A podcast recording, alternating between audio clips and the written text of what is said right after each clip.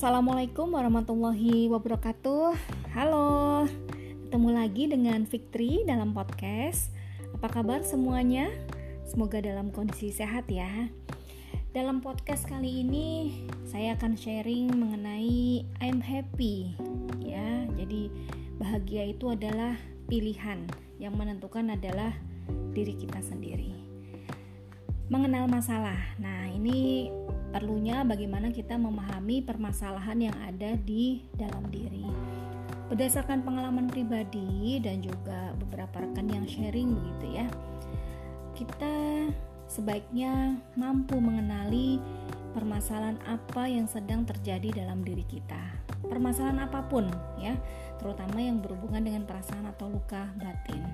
Tentunya yang paling tahu dan mengerti bagaimana rasanya tentu adalah kita sendiri dan bisa saja memang perasaan ter, perasaan tersebut ini pastinya bisa mengganggu dalam kehidupan sehari-hari, bekerja ataupun sosialisasi kita dengan lingkungan sekitar begitu ya. Nah, untuk itu ada beberapa hal yang perlu kita pahami sebagai langkah awal yaitu sih yang sebenarnya terjadi dengan diri kita Kemudian juga apa atau siapa yang menyebabkan hal tersebut terjadi sehingga kita bisa sedih ya. Berikutnya sejak kapan kita merasakannya dan apa efek yang disebabkan hal tersebut dalam hidup kita. Nah, pertanyaan mendasar tersebutlah yang perlu kita jawab terlebih dahulu. Bila perlu, bolehlah kita catat gitu ya dalam catatan khusus sebagai langkah awal pengenalan terhadap apa yang dirasakan saat ini ya. Tadi yang pertama, apa yang sebenarnya terjadi dengan diri kita? Nah, ini pertanyaan ini merupakan hal terpenting ya teman-teman ya. Karena merupakan identifikasi awal terhadap apa pun yang terjadi dengan diri kita, terutama yang memang berhubungan dengan perasaan, atau luka batin yang kita rasakan saat ini. Mengapa penting begitu ya? Ya karena ini memang merupakan modal dasar kita untuk mengetahui apa sebenarnya yang dirasakan saat ini sehingga menyebabkan kita mengalami semacam gangguan dengan perasaan-perasaan atau luka batin ya. Berikutnya pertanyaan kedua ya apa atau siapa yang menyebabkan hal tersebut terjadi. Nah, ini sangat menarik teman-teman ya membahas pertanyaan kedua ini. Karena apa? Karena biasanya dalam menentukan apa dan siapa ini sering salah dalam menentukannya. Kita harus mampu bersikap lebih bijak menentukan siapa subjeknya dan siapa objeknya. Dan memang pada kenyataan yang ada, kebanyakan ya saya bilang tanda kutip begitu ya. Korban ini selalu mengatakan bahwa yang bersangkutan adalah objek sementara subjeknya pasti orang lain. Padahal sebenarnya tidak mutlak seperti itu. Ada beberapa case yang memang menjadi pembeda ya ketika seseorang menyimpan rasa bersalah kepada orang lain maka mereka akan berani mengatakan sayalah subjek dari permasalahan ini. Pertanyaan berikutnya ya, sejak kapan kita mulai merasakannya? Tujuan dari pertanyaan ini adalah kita supaya lebih memahami permulaan atau kapan dimulainya semua perasaan-perasaan atau luka batin yang dirasakan saat ini.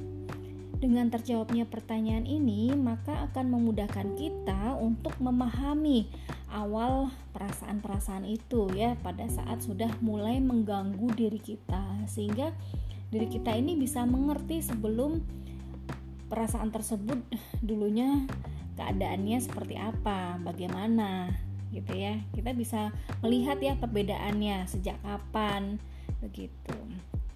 Pertanyaan keempat kemudian adalah apa efek yang disebabkan hal tersebut dalam hidup kita. Nah, ini pertanyaan ini lebih banyak menggali akibat yang ditimbulkan semua perasaan-perasaan atau luka batin dalam kehidupan kita apa saja gangguan yang diterima, kemudian rasa sakit seperti apa yang muncul, seperti apa keadaan saat ini dan lain sebagainya. Nah, dari keempat pertanyaan mendasar itulah kita mampu menjawabnya dengan baik, setidaknya ini akan sangat membantu kita untuk lebih mengenali permasalahan yang menimpa kehidupan kita. Ya, tadi di awal kan saya sampaikan bahwa yang mampu mengenali diri kita itu ya kita sendiri ya teman-teman ya. Dengan begitu kita bisa mengetahui permasalahan sesuai dengan porsinya ya. Jadi kita nggak perlu mengira-ngira lagi seperti apa sih permasalahan yang lagi kita alami saat ini.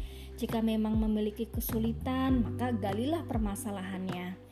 Kalaupun memang teman-teman perlu bantuan gitu ya kepada orang yang tepat itu juga bisa. Seperti halnya psikolog atau konselor ya life coach hipnoterapis dan lain sebagainya ya. Jadi memang ada beberapa permasalahan yang memang dapat berhubungan dengan perasaan atau luka batin ya. Seperti misalkan pernah merasa ditipu dikhianatin begitu ya. Dinodai kepercayaannya mendapat perlakuan yang kurang menyenangkan dari orang lain ya difitnah dipermalukan itu bisa menyebabkan perasaan terluka ya. Ataupun kalau yang lagi punya bisnis ternyata teman sendiri ya teman sendiri ternyata bermain yang tidak baik ya. Kekerasan masa kecil baik di keluarga maupun di lingkungan pernah dikucilkan. Ataupun kalau yang sudah berumah tangga ada kekerasan di sana ya. Ada ketidakpercayaan di sana dan lain sebagainya begitu. Ya. Jadi memang mengenali permasalahan ini merupakan modal dasar bagi kita untuk mempermudah proses selanjutnya. Berikutnya ya, menyelami perasaan. Nah, teman-teman ya, teman-teman bisa bayangin kalau kita misalkan lagi menyelam di dasar laut begitu ya, kita analogikan seperti itu, maka ada pepatah juga yang bilang ya, kita tidak akan tahu seberapa dalamnya samudra sebelum kita menyelaminya, begitu ya. Atau kadang orang bilang juga perasaan orang siapa yang tahu gitu ya. Tapi kalau dalamnya samudra bisa diukur seperti itu. Nah ini adalah ungkapan yang tepat ya untuk menggambarkan pembahasan kita kali ini seorang penyelam ya itu tidak akan tahu bahwa dalamnya laut itu sangat indah kalau memang yang bersangkutan tidak menyelam ke sana ya. Atau tidak tahu juga apa yang terjadi di bawah sana apakah bagus atau memang udah rusak karang-karangnya ya. Itu tidak akan diketahui jika kita hanya ya berenang di atas permukaannya saja. Kita tahunya ya berarti kita harus menyelam ke dalam. Begitu juga dengan kondisi atau ke keadaan kita yang sedang mengalami masalah. Ya teman-teman ya adanya perasaan adanya luka batin yang dialami saat ini. Jika kita hanya melihat kulit luarnya saja maka ya kita akan lebih banyak menemukan persepsi dan ya ada prasangka-prasangka begitu ya. Dengan kata lain memang di sini yang lebih banyak berperan adalah pikiran logika atau persepsi semata begitu. Sehingga perasaan-perasaan atau luka batin tersebut kalau memang letaknya di dalam hati ya kita akan dapat lebih menyalami lagi perasaan kita. Kita tahu bahwa pikiran bawah sadar ini juga dapat mempengaruhi ya teman-teman ya. Tentunya juga kita tidak bisa langsung melogikakan masalah begitu saja tanpa menyelami dan merasakan langsung perasaan tersebut gitu ya teman-teman ya. Dan semua perasaan-perasaan yang tersimpan di dalam memori pikiran bawah sadar kita itu sudah terekam ya. Jadi terkadang memang sudah termaknai ya atau sudah melekat di ingatan kita tentunya akan lebih sulit bagi kita untuk menyelesaikan langsung tanpa menyelami semua perasaan-perasaan tersebut. Nah, jika kita mencoba langsung menyelesaikan permasalahannya tanpa menyelami terlebih dahulu, maka ya ibaratnya tadi ya teman-teman ya, penyelam hanya mampu memprediksi saja indahnya dasar laut tanpa menyelam. Ya, ya gimana tahu kalau memang kita nggak nggak menyelam ya kita nggak akan tahu dalamnya itu seperti apa keindahannya di sana begitu. Sementara prediksi itu lebih banyak menggunakan analisa persepsi serta asumsi yang diberikan berdasarkan apa yang dilihat dari luarnya saja. Begitu juga yang terjadi ketika seseorang ini tidak mau menyelami perasaan-perasaan tersebut maka belum tentu juga bisa menggali akar permasalahannya secara benar jadi hanya sebatas analisis dan logika semata gitu ya teman-teman ya. Jadi ibaratnya kalau kita punya alat pendeteksi gitu ya nah maka yang bekerja di sini adalah hati dan perasaan. Perasaan itu ya bisa saja pikiran bawah sadar bukan pikiran sadar di awalnya karena memang permasalahan yang terjadi ada pada perasaan. Selain itu untuk mendeteksi dan menggali lebih dalam lagi fungsi menyelami perasaan tadi ya teman-teman ya. Ini lebih bertujuan untuk memisahkan mana hal sebenarnya yang terjadi atau memang ada semacam bumbu-bumbu begitu ya yang akhirnya membuat perasaan itu terus terjadi luka batin itu terus terjadi. Begitu karena memang permasalahan yang berhubungan dengan perasaan yang tidak diselesaikan dengan baik ya atau hanya berdasarkan perasaan saja ya kalau kita bilang di sini ya kita akhirnya tidak bisa mengambil langkah apa selanjutnya yang perlu kita lakukan ya. Dengan menyelami semua perasaan tersebut maka kita akan lebih mampu mengerti, memahami apa yang sebenarnya terjadi dalam diri kita bukan hanya sebatas pengamatan atau logika semata gitu ya. Jadi dengan kita merasakan hal yang sebenarnya terjadi, maka kita tidak akan salah tafsir dalam menyikapi permasalahan tersebut.